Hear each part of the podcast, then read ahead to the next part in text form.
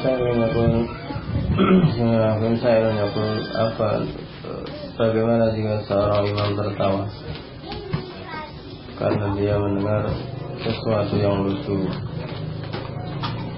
Apakah dia batal? Jika dia batal bagaimana dengan makmumnya? Apakah ada yang menggantikan dia menjadi imam? Tertawa dalam salat tertawa dalam salat dia membatalkan uh, salat. Lalu tertawa ataupun koh-kohah atau koh-koh ini sampai bahkan sampai terbahak membatalkan salat. Bagaimana dikatakan oleh Jabir bin Abdullah radhiyallahu anhu di Sahih Bukhari yu'id salat wala yu'idul wudu. Nah diulangi salatnya. Dan tidak perlu untuk mengulangi wudhunya jadi wudhunya tidak batal tapi salatnya batal. Nah kalau dia sebagai imam ya ya dia batal. Begitu juga makmumnya pun ya ya batal. Diulangi lagi salatnya Baik. Adapun jika sekedar imam itu salah, maka kesalahan itu tidak sampai ke makmum. Baik. Beda kalau badannya karena hadas atau apa.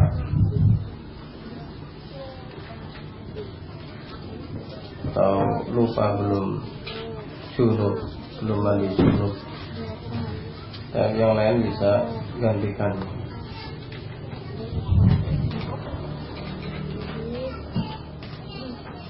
Diulangi semua insya Allah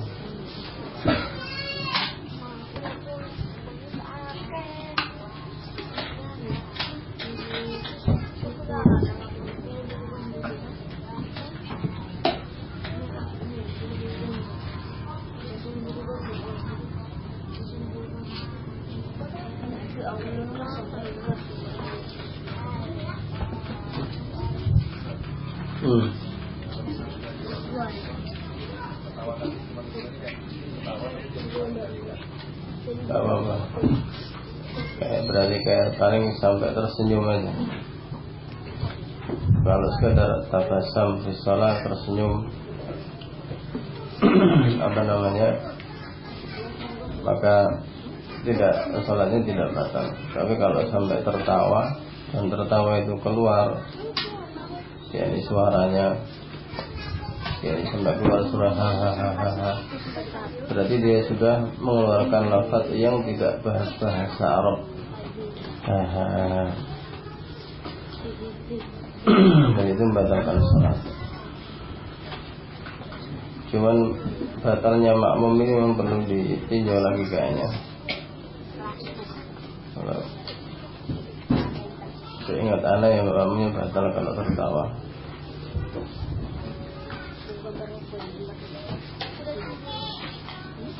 Diulangi lagi semua insya Allah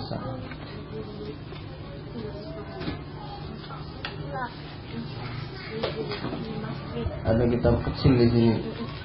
Namanya tentang sahwi. Itu dia di bawah pulang yang tamimah ke sana lagi. Ke bukan terus ke sana sana. Nah, itu. Yang hijau bawahnya ayam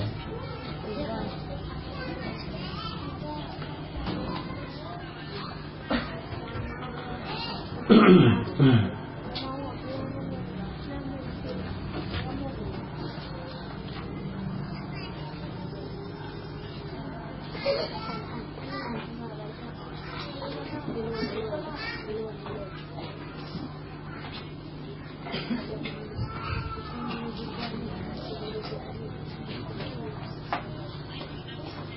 Oh di sini cuma bicara Itu masalah berbicara di waktu sholat.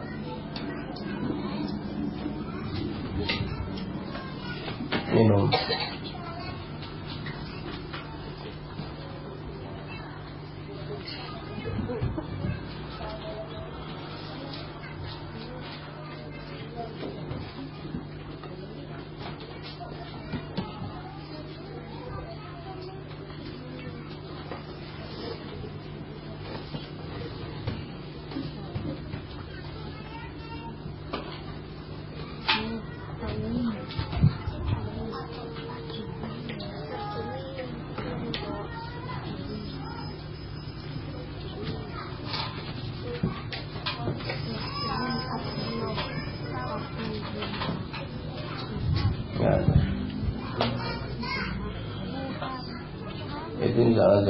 sementara.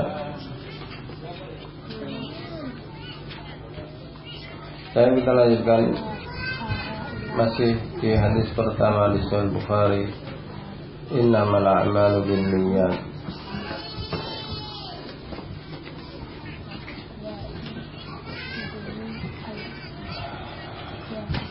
Bahwa niat itu macam-macam lafadznya apa saja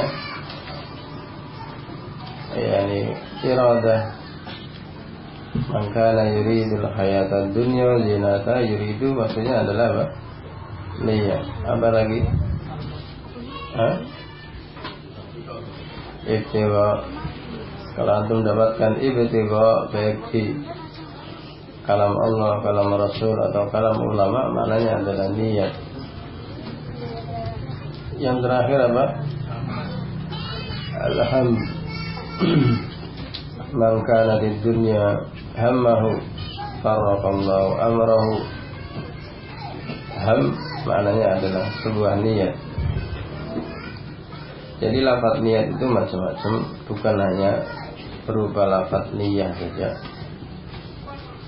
Tapi seluruh kata yang menunjukkan sebuah tujuan keinginan maka itu disebut pula sebagai sebuah niat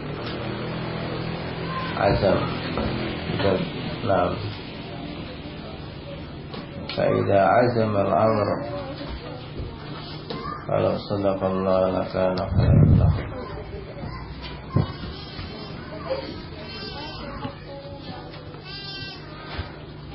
Sekarang kita kembali ke innamal a'malu binniyat. Adapun makna secara umum makna innamal a'malu binniyat atau binniyah bahwa setelah kita ketahui bahwa al-amal di situ adalah amalan yang umum baik amalan syar'iyyah atau amalan yang mubah. Maka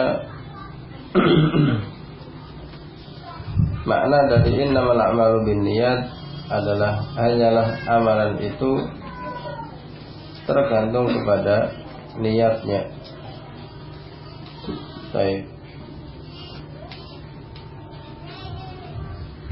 Sehingga makna innamal amalu binniyat itu pembahasannya masuk kepada amalannya itu sendiri. Baik, kembali kepada sebuah amalannya, bukan kembali kepada amil. Bukan kembali kepada si pelakunya. Jadi ditekannya kepada al-manwi. Kepada yang diniati yakni al-amal. Sebuah amalan tadi.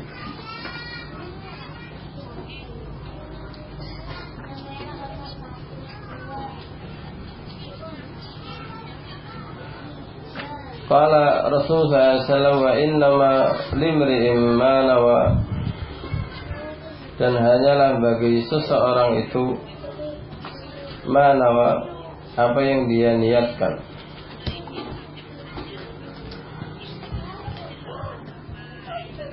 Lafaz yang kedua ini diperselisihkan oleh para ulama. Ada yang mengatakan lafaz ini semakna dengan yang tadi. Yani innamal a'malu binniyat. Ada yang mengatakan wa innamal limri'im ma nawa. Dia adalah jumlah yang baru. Susunan kata yang baru. Baik. Dan inilah yang rajih. Yang dikuatkan oleh para ulama. Di antara Ibnu Taimiyah dan yang lainnya.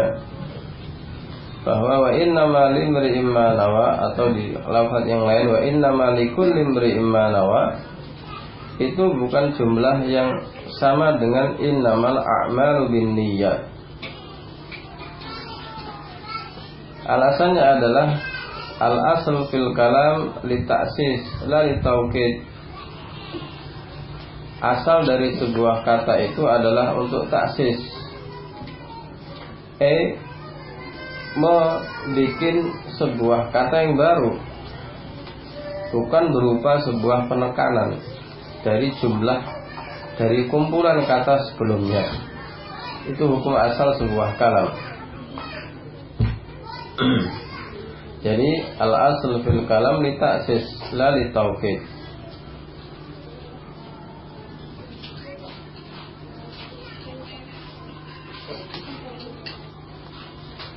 Kemudian jumlah yang ini yang kedua adalah bahwa jumlah ini adalah kepada manwilah bukan al manwi tapi ini kepada manwilahnya. Apa manwilahnya? Yakni tujuan yang dia niatkan. Apa yang dia maksudkan. Jadi sholat itu adalah manwinya. Allahnya. Kamu sholat untuk Allah itu disebut manwilahnya. Manwilahu manwi dan manwilahu atau manwi alaihi dalam bahasanya para ulama. Ketika kita sholat harus menghadirkan niat sholat apa? Sholat subuh itu disebut innama al-a'malu bin niyat. Ketika kita meniatkan sholat subuhku itu untuk Allah Subhanahu wa taala masuk ke jumlah wa innama likul limri'im manawa yang disebut manwi lahu Nah. Jadi wa inna ma limri'im nawa itu lebih kepada si yang kita niatkan ke siapa dari amalan kita itu. Setiap orang akan mendapatkan sesuai dengan apa yang dia niatkan. Kalau dia niatkan untuk Allah, ya dia dapat nah pahalanya Allah, surganya Allah. Adapun jika dia meniatkan nah dunia, ya dia akan mendapatkan dunia yang dia niatkan tadi itu. Makanya kemudian setelah itu, setelah jumlah ini Rasulullah SAW membuat sebuah contoh Famangkanat hijratuhu dan seterusnya. Nah. Mafhum enggak? Itu khulasa istilahnya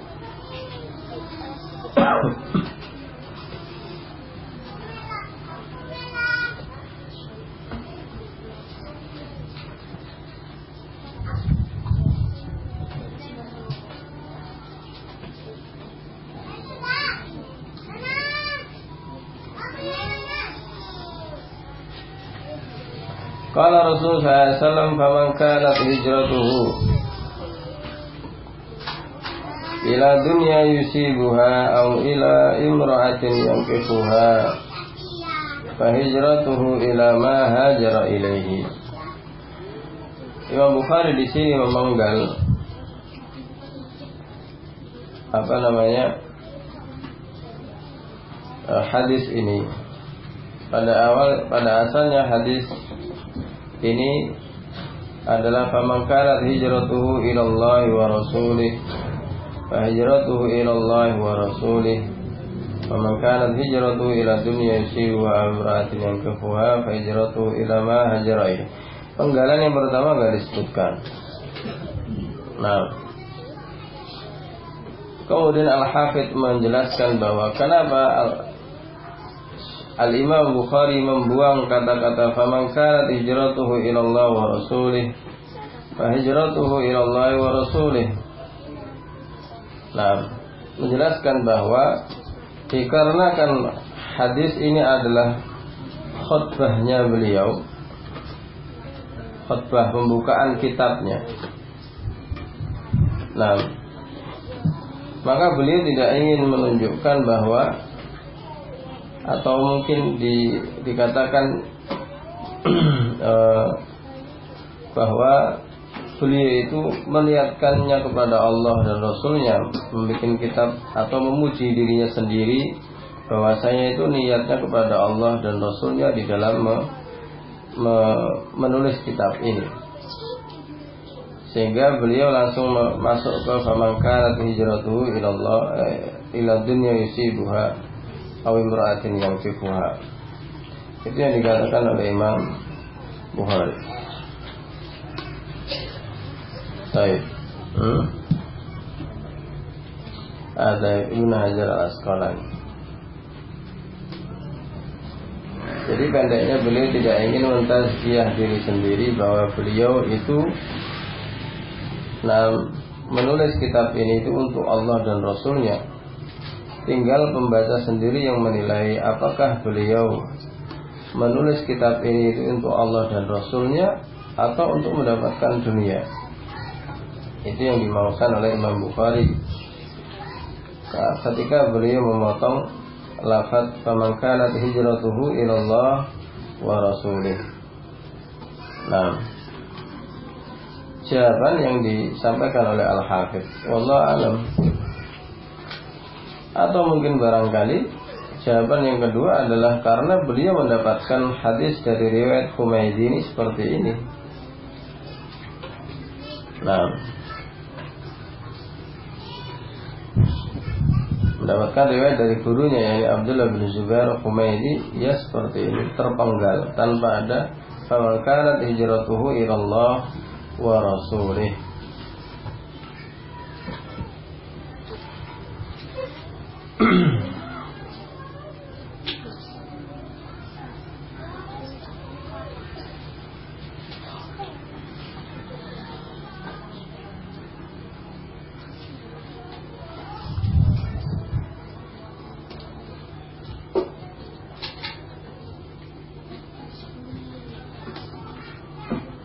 bisa untuk melihat jawaban beliau di Fathul Bari.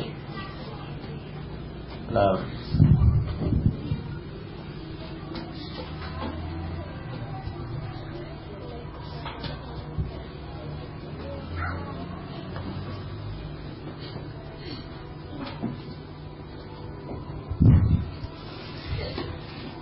قال الحافظ بن هجر إن إيراد الحديث تاما وتارة غير تاما إنما هو من اختلاف الرواة Terkadang hadis ini dipaparkan secara sempurna, terkadang tidak sempurna.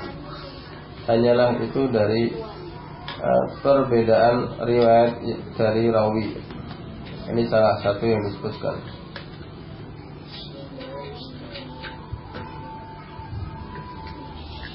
Baik. Al-Muhim Allah alam kenapa maksud kenapa Imam Bukhari tidak menyebutkan faman kana hijratuhu ila Allah wa rasulih fa hijratu ila Allah wa rasulih. Kenapa beliau langsung memotong faman kana hijratuhu ila dunya yusibuha. Nah, kita tidak mengetahui secara pasti uh, sebab kenapa beliau seperti itu. Cuman para ulama meraba-raba dan memberikan sebuah kemungkinan-kemungkinan yang tadi kita sampaikan. Mungkin karena itu adalah rawinya memang yang memutuskan rawi dari Imam Bukhari atau jawaban yang tadi yang lain agar pembaca itu tidak menyangka atau Imam Bukhari ingin tidak eh, tidak ingin mentazkiyah diri sendiri, memuji diri sendiri bahwa beliau itu menulis kitab ini adalah untuk Allah dan Rasulnya. Tinggal pembaca sendiri yang menilai. Nah,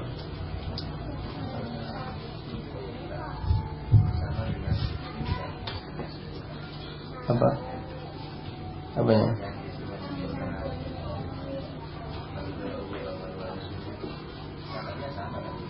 Enggak. Ada yang uh, ada yang sama di riwayat Humaydi yang lain apa namanya ada yang sempurna. Tapi riwayat Humaydi yang ini enggak sempurna. Nah, disebutkan di Al-Hafiz di sini.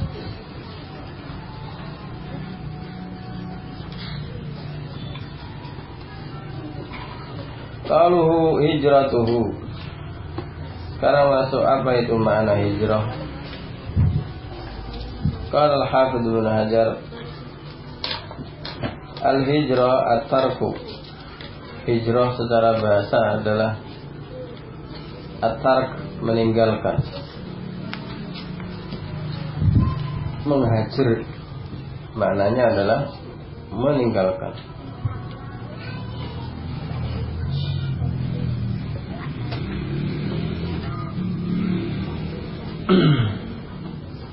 wal hijrah ila syai' al intiqal ilaihi al ghairihi. Masih kata al hafidhul najar dan hijrah kepada sesuatu adalah berpindah kepada sesuatu itu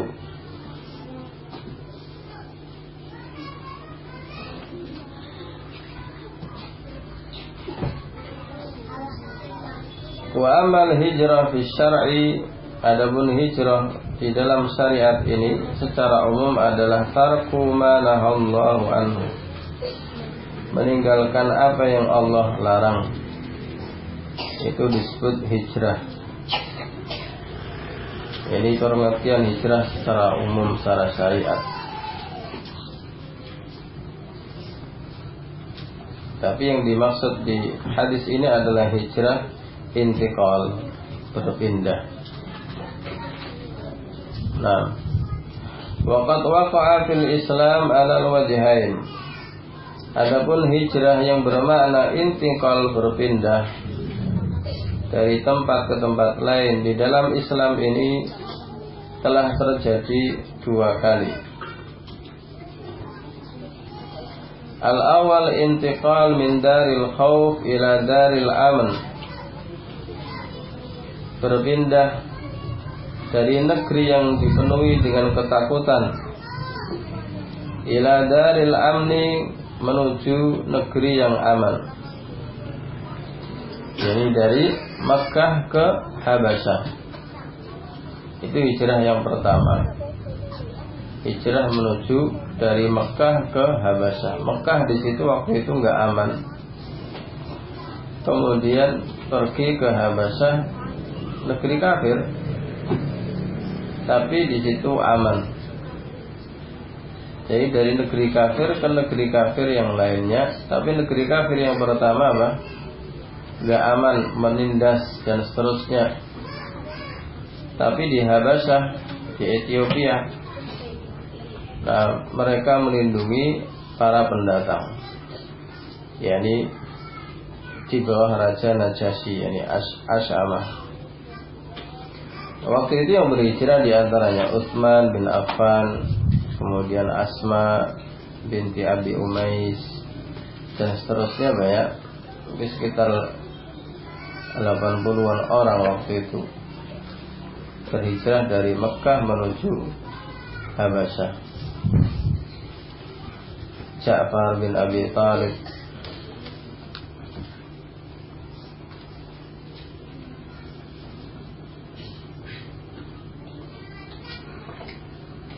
Asal yang kedua al-hijrah min daril kufri ila daril iman. Hijrah dari negeri kekufuran menuju negeri keimanan. Wadhalika ba'da an istaqarra an-nabiy sallallahu alaihi wasallam bil Madinah. Hal itu setelah Rasul SAW berada di Madinah wa hajara ilaihi dan para manusia berhijrah, yakni manusia berhijrah menuju Madinah. Ini model yang kedua, hijrah dari negeri kafir menuju negeri yang iman.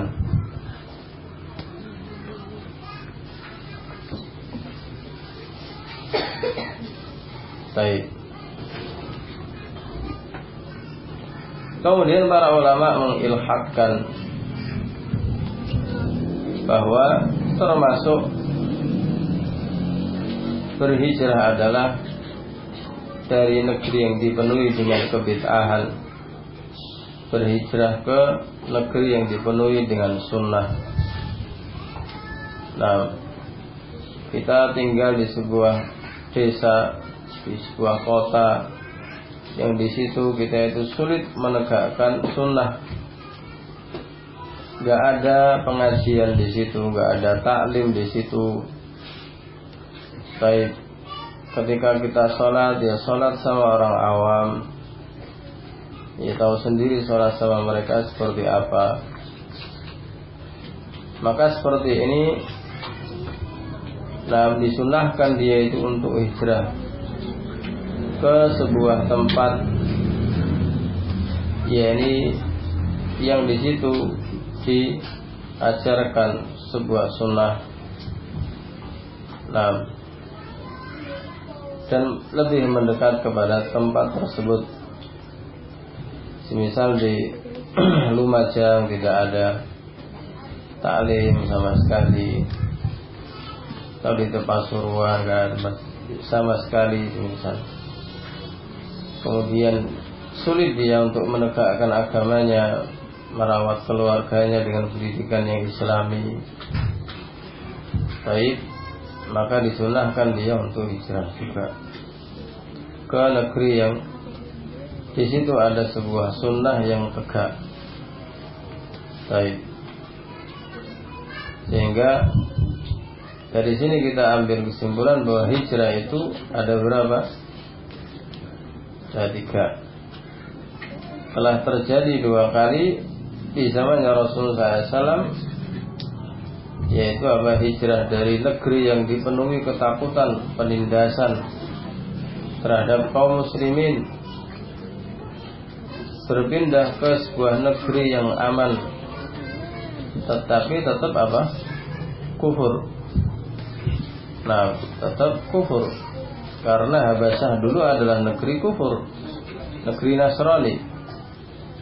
Nah, Kemudian yang kedua adalah hijrah dari negeri kafir ke negeri muslim negeri iman dan yang ketiga adalah hijrah dari uh, negeri yang dipenuhi dengan kebid'ahan kemaksiatan menuju tempat yang sunnah hal itu juga bisa diambil dari kisah hadis Abi Sa'id Al-Khudri. Inna rajulan kana mimman kana qablakum qad qatala tis'atan wa tis'ina rajulan. Sesungguhnya ada seorang laki-laki. Taib Sebelum kalian eh, Sebelum umat ini sudah membunuh 99 orang. Taib Fasa'ala Rahiban. Hali min taubatin? Dia pun bertanya kepada seorang rahib. Rahib tahu sendiri rahib Orang bodoh. Rahib itu Nasrani kan ya Uskup Apakah saya punya tobat? Ya ini masih bisa tobat ini. Kalau lah Laisa laka min taubah Fakam malamiah Baik.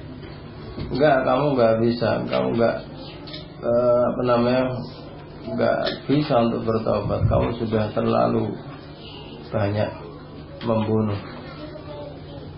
Ya sudah akhirnya disempurnakanlah 100 mana rahitnya tadi dibunuh jadi pas 100 itu masalah a'lami ahli al-ard ya ini di waktu itu. Kemudian beliau bertanya kepada orang yang lebih alim. Seorang yang alim. Faqala hali min taubah beliau bertanya apakah saya punya kesempatan untuk taubat? Ini apakah kalau saya taubat saya diterima?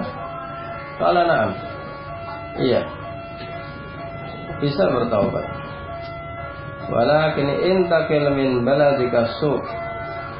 Wa'ti ila qaumin hunalika. Faya'budullaha. Nah, faya'budullah ma'ahum. Akan tapi berpindahlah kamu dari negerimu yang jelek itu. Pindahlah kepada negeri yang di sana yang engkau akan bisa beribadah menyembah Allah bersama mereka. Nah, kau kemudian dia pun pergi niat hijrah sudah menuju negeri yang disyaratkan orang alim tadi itu. Fama fi wasati.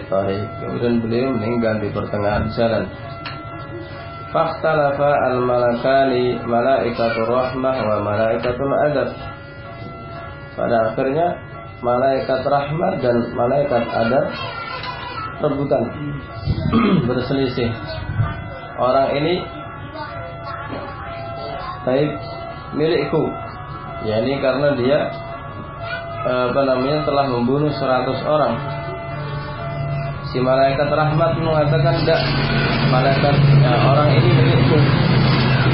Karena dia sudah bertaubat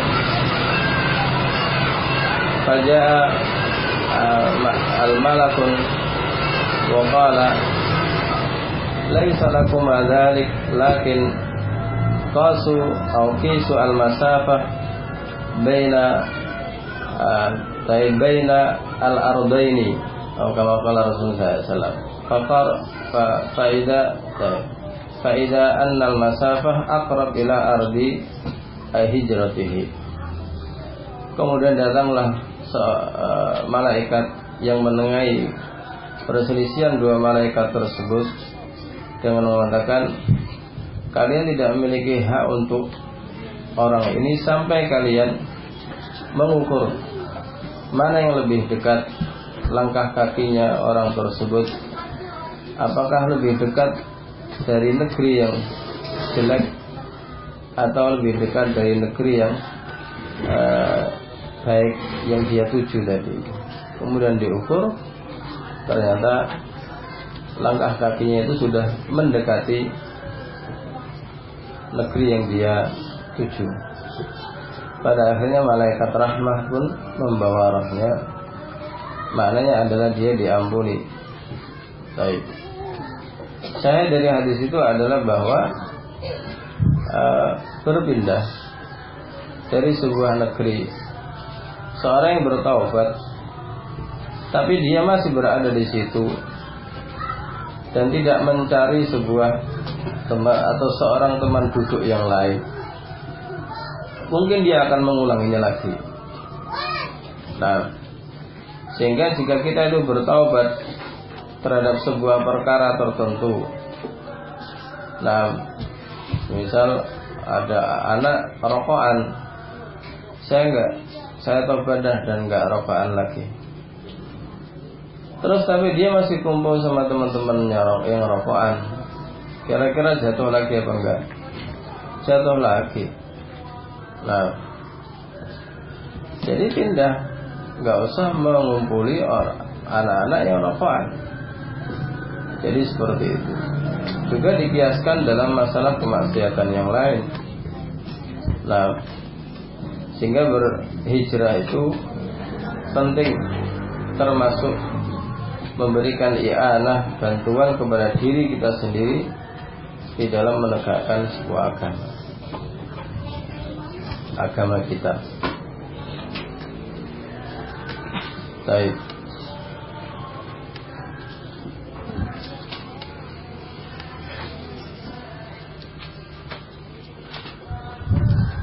Adapun surut-surut hijrah. Maka ada tempatnya sendiri. Dan singkatnya adalah firman Allah Subhanahu wa taala Inal mustad'afina minar rijali wal nisa'i wal wildani alladhina la yastati'una khilatan wa la yahtaduna sabila. Faulaika asallahu ayyafu anhum wa kana Allahu afuwan ghafura. Allah Subhanahu wa taala mengampuni penduduk Mekah yang tidak berhijrah ke Madinah. Yang diampuni oleh Allah Subhanahu wa taala adalah para wanita anak-anak kecil dan para laki-laki yang mustad'afin yang tertindas. Yang la hilatan yang dia tidak memiliki hilah. Gak bisa memiliki kemampuan untuk hijrah nah, entah itu karena dananya atau yang lainnya. Walayah taduna sabila. Dan dia tidak mendapatkan jalan menuju itu. Entah gak tahu jalannya. Atau dia nggak tahu ke mana dia harus berhijrah. Ini di antara udur-udur. Maknanya adalah jika dia bisa memiliki hilah mampu. Secara finansial dia itu mampu baik. Kemudian dia mengetahui jalan untuk hijrah. Dan dia bukan mustad'afin bukan apa namanya orang yang atau apa ya, dan dia adalah orang yang tidak bisa menegakkan agamanya maka wajib bagi dia hijrah. Kenapa hadis seperti itu? Karena innal ladzina tawaffahul malaikatu zalimi anfusihim qalu fima kuntum qalu kunna musatafina fil ard. Qalu alam takun ardullahi wasi'atan fatuhajiru fiha. Faulaika ma'wahum jahannam wa sa'at masira. Nah, malaikat bertemu dengan rohnya orang yang mati di Mekah. Di saat mereka tidak hijrah. Baik, padahal mereka tidak mampu untuk melaksanakan agamanya. Tapi mereka bilang saya mustadafin, padahal enggak. Kami orang tertindas, padahal tidak. Karena malaikat mengatakan, Alam takun ardullah wasi'atun fatuhajiru fiha. Bukankah negeri Allah itu luas? Nah, maknanya adalah orang tadi punya kemampuan dan dia apa namanya tidak mampu menegakkan agamanya di Makkah tapi gak hijrah. Maka dihukum oleh Allah faulaika ma'wahum jahannam. Mereka terancam dengan jahannam wa sa'at masyira. Nah, jadi surut hijrah itu adalah pertama dia tidak mampu menegakkan agamanya di tempat awal Baik. Yang kedua, dia memiliki kudroh memiliki kemampuan untuk hijrah. Yang ketiga adalah wala yahtaduna sabila yakni mengetahui jalan untuk keluar. Nah, bisa nyewa. Nah, kayak Rasulullah SAW hijrah ke Madinah beliau nggak tahu jalan. Tapi beliau menyewa seorang dilil, seorang dilil dari seorang musyrik. Nah, seorang musyrik untuk menjadi penunjuk jalannya Rasulullah SAW dan Abu Bakar menuju Madinah. Nah, jadi nggak tahu. Cuman kalau zaman sekarang mana ada nggak tahu. Baik. Kemudian nggak tahu jalan dan sebagainya. Gampang sekarang bisa ada Google Map dan sebagainya. Cuman tinggal kemampuan dan apa namanya keinginan. Jadi hijrah itu adalah sebuah pertanyaan yang berulang. Syaratnya gimana hijrah? Cuman nggak ada wujudnya. Sehingga para ulama pun malas menjawab pertanyaan-pertanyaan tentang hijrah karena itu. Banyak orang-orang di Amerika, di Perancis, di Perancis mau ada nggak bisa keras seperti ini nggak bisa. Nah, dulu di Rusia di awal-awal tahun 90-an juga sama, tapi sekarang lebih mending punya ada masjid sendiri. Kalau dulu masjid nggak ada, jadi rumah. Tahun-tahun sebelumnya rumah dijadikan tempat sholat untuk ikhwan-ikhwan di Rusia. Tapi sekarang sudah ada. Kalau di Perancis waktu anak di Damat mereka masih belum diperbolehkan untuk adzan. Nama berarti apa? Gak bisa menegakkan agama sholat mau sholat di mana? Idul Adha mau nyembelih. Nah itu kotor dan sebagainya semacam. Baik. Kayak gitu tapi orang itu pada lebih sabar nggak tahu sabar kenapa sabar dunianya. Cara-cara apa? Termasuk dalam pekerjaan. Misalnya hijrah dalam pekerjaan. misalnya kerja di kantoran pagi sampai malam sore gitu. Karena di situ di kota itu dia ada jangan saling. Ya apakah wajib juga itu kerja itu?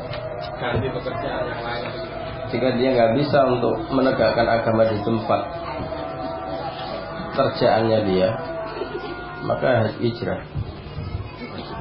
Ya nah dan tawakal kepada Allah Subhanahu wa taala wa may yuhajir fil ardi ومن يهاجر لله ورسوله يجد في الأرض مرغما كثيرا وسعة ومن يخرج من بيته مهاجرا إلى الله ورسوله ثم يدرك الموت فقد وقع أجره على الله وكان الله غفورا رحيما Ayat itu menunjukkan bahwa barang siapa yang hijrah kepada Allah dan Rasulnya Yajid fil ardi muragaman kathiran wasa'ah dia akan mendapatkan keluasan Nah, di tempat yang baru mendapatkan rezeki yang melimpah. Baik. Di tempat yang baru, walaupun pada awalnya berat.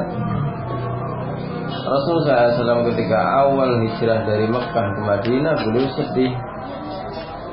Nah, sedih sekali karena Mekah adalah tempat kelahiran beliau, negeri yang paling beliau cintai. Wallah beliau mengatakan innaki ahabbul bika alayya. Walaula qaumuki akhrajuni ma akhrajtu minki. Sesungguhnya engkau adalah sebuah negeri yang paling aku cintai. Kalau bukan kaummu mengusir aku dari uh, dari dirimu Aku tidak akan keluar. Sampai di Madinah Karena beda tempat itu Abu Bakar sakit Bilal pun sakit. Terkadang mereka naik ke gunung Terus melihat ke arah Mekah Rindu dengan kampung halaman. Nah di Sahih Bukhari di kitab Fadail Mekah dan Madinah. Sampai Abu Bakar melantunkan sebuah puisi yang menunjukkan kerinduan beliau terhadap Mekah. Berpindah ke sebuah tempat dari tempat ke tempat lain itu apalagi beda negara itu, sulit. Nah sulit. Kita udah pernah mengalami itu ketika pindah dari Indonesia ke Yaman. Sulit. Awal-awal itu sangat sulit sekali. Dari segi makan makanannya uh, budayanya jauhnya yakni apa udaranya dan seterusnya sulit tapi ketika seorang itu melihat bahwa ada sesuatu yang lebih besar daripada sekedar bela di tempat atau bela di sebuah pekerjaan yaitu janji Allah Subhanahu wa taala atau mudah-mudahan dia bisa lebih bisa menegakkan agamanya jika dia berpikir itu maka insya Allah akan menjadi ringan. Nah.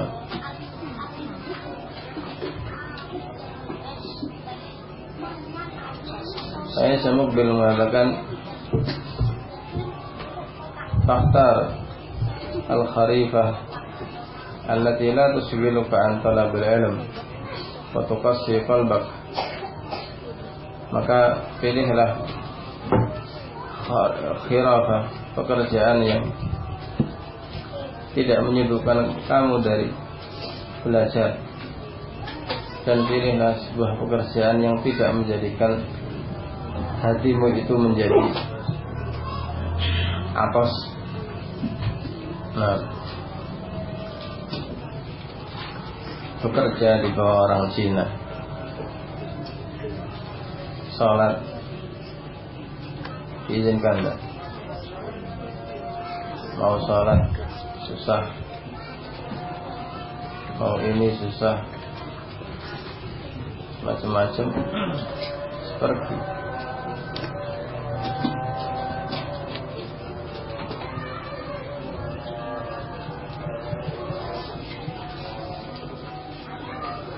Bismillahirrahmanirrahim.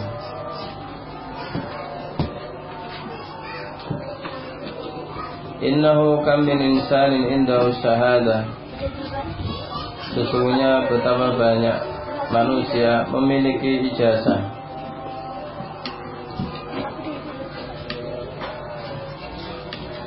Wa mastafada minha syai'an.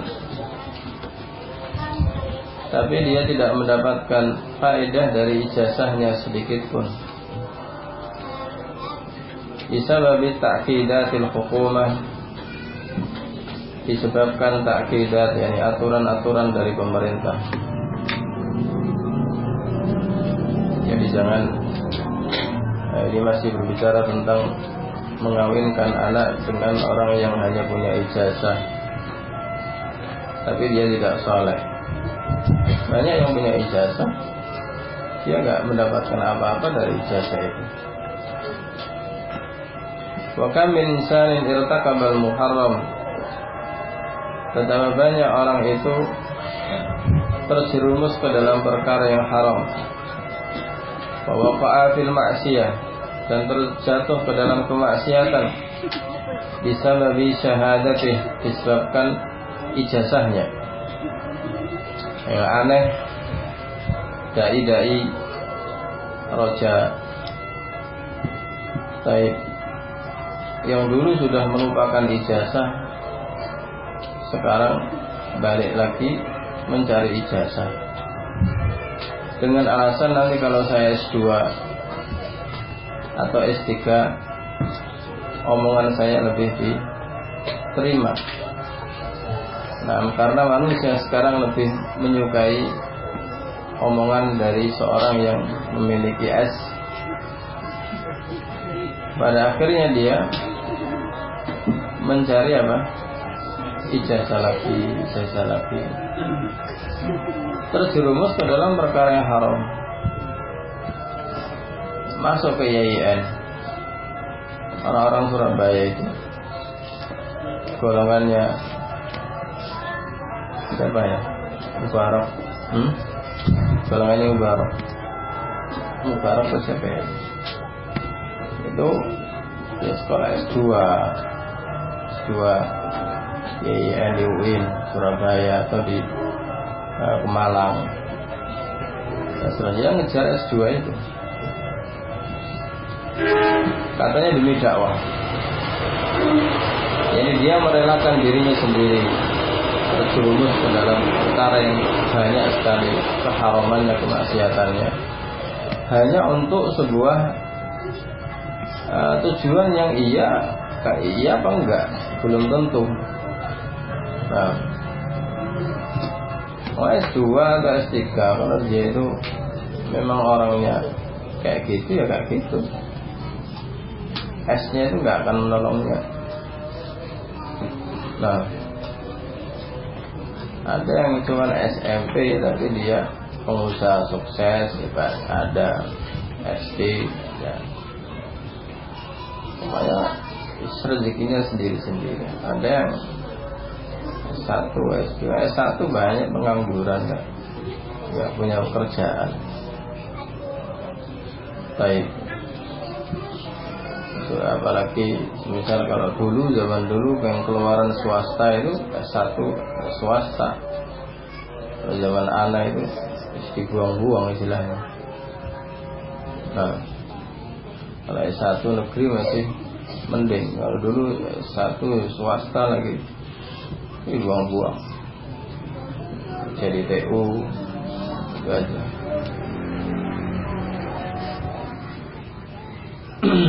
Al-Muhim yang disayangkan adalah orang-orang yang menasabkan diri sebagai da'i. Mereka ngejar ijazah, ijazah, ijazah Dengan alasan dakwah Tapi tidak melihat hal yang haram yang dia lakukan Lian al madrasah ikhtilatiyah Karena madrasahnya itu pasti ikhtilatiyah Campur baru Wali'annahu qad la yismah bil libasi syar'i Iya betul Nah dan dikarenakan tidak diizinkan untuk memakai pakaian yang syar'i. Nah, coba kuliah untuk pakai gamis kayak gini. Hmm. Dosennya pasti akan bilang, yang dosen kamu apa aku? Nah, dosennya pakai celana pakai sapu. Pastinya dimasukkan. Ngajar agama. Santrinya pakai jubah. Ya malu lah dosennya. Akhirnya nggak boleh. Indah khurujil mar'ah. Baik. Wali annahu qad la yusmah bil libas indah inda khurujil mar'a lil madrasah. Ya, ketika perempuan itu keluar menuju madrasah ini bahas tentang perempuan dia nggak akan boleh untuk pakai libas syar'i di beberapa tempat ya di beberapa tempat yang lain Nah, uh, boleh. Kalau di negeri boleh mereka ini pakai cadar kayak gitu, boleh. Kalau di kayak UI ini malah nggak boleh, nggak tahu kenapa. Warajulu yulzamu bihal lihyati. Yang laki-laki juga diharuskan untuk mencukur jenggotnya. Wabilu besi al-bintal alladhi yu'addu tasabbuhan bil kufar dan memakai baju celana bintol yang hal ini tergolong menyerupai orang-orang kafir wa dan yang lainnya wa hunaka syaritun warid dan di sana ada uh, kaset miliknya Syekh Mubil orang tuaku yakni Syekh Mubil Inwanu judulnya Tahdirud Daris min fitnatil madaris. Peringatan bagi daris bagi para pengajar dari fitnahnya madaris yakni sekolah-sekolah. Ini sudah dibukukan oleh Akhuna Abdullah Jahdari dan dibikin sebuah kitab yang bagus. Ya dari ceramahnya Syekh Mobil itu. Dengan judul yang persis dengan ceramah beliau. Tahdir Baris Fitnatul Madaris para pengajar mestinya baca kitab itu. Innal maksiatan khatiratun al fardi wal mujtama' Kemaksiatan itu berbahaya baik secara individu ataupun kelompok. Fitan wa fasadin wa jadbin wa tasallut al ada wa dullin huwa bisababil maksiyah. Dan apa atau perubahan keadaan alam ini dan tidaklah keadaan alam yang dipenuhi dengan fitnah, kerusakan, wajah dan tidak turunnya hujan dan musuh yang semakin menguasai kaum muslimin wazullin dan kehinaan yang ditimpa oleh kaum muslimin huwa bisababil ma'asi. Sebenarnya itu adalah dari sebab kemaksiatan kaum muslimin itu sendiri. Zaharul fasadu fil barri wal bahr. Bima kasabat aydin nasir yudhiqahum ba'da alladhi amilu la'allahum yarji'un. Wa qala subhanahu wa asabakum musibatin Fabima kasabat aydikum wa ya'fu katsir. Wa bisababi dan disebabkan satu kemaksiatan saja. Akhrajal abawan Adam wa Hawa minal jannah. Kema satu kemaksiatan dari mengeluarkan dua orang tua kita yakni Adam dan Hawa dari surga jadi terkadang satu kemaksiatan bisa berdampak sangat besar. Lihat Nabi Adam, Nabi Hawa, kesalahannya cuma satu, memakan buah yang dilarang. Kama Allah Ta'ala dari kafi kitabil karim sebagaimana yang Allah sebutkan hal itu di kitab Allah yang mulia. Lihada yajibu fauran oleh karena itulah wajib secara faur yakni langsung. Atau bahwa rujuk Allah taubat dan kembali kepada Allah. Wala yajuzu an tuakhira tarafata ain. Dan jangan mengakhirkan walau sekedip mata untuk tidak bertaubat. Ya ayyuhalladzina amanu tubu ilallahi taubatan nasuha. Wahai orang yang beriman bertaubatlah kepada Allah dengan taubat yang nasuh saya selesai itu dari pembahasan tentang apa namanya pentingnya menikah dengan perempuan yang solehat.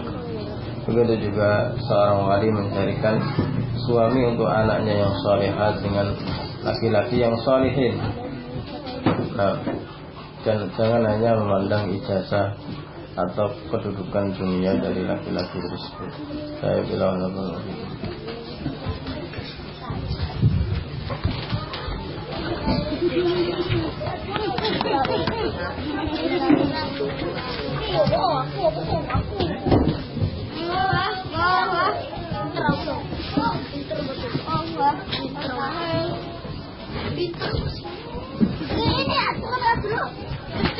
哦，你把那个那个扔了。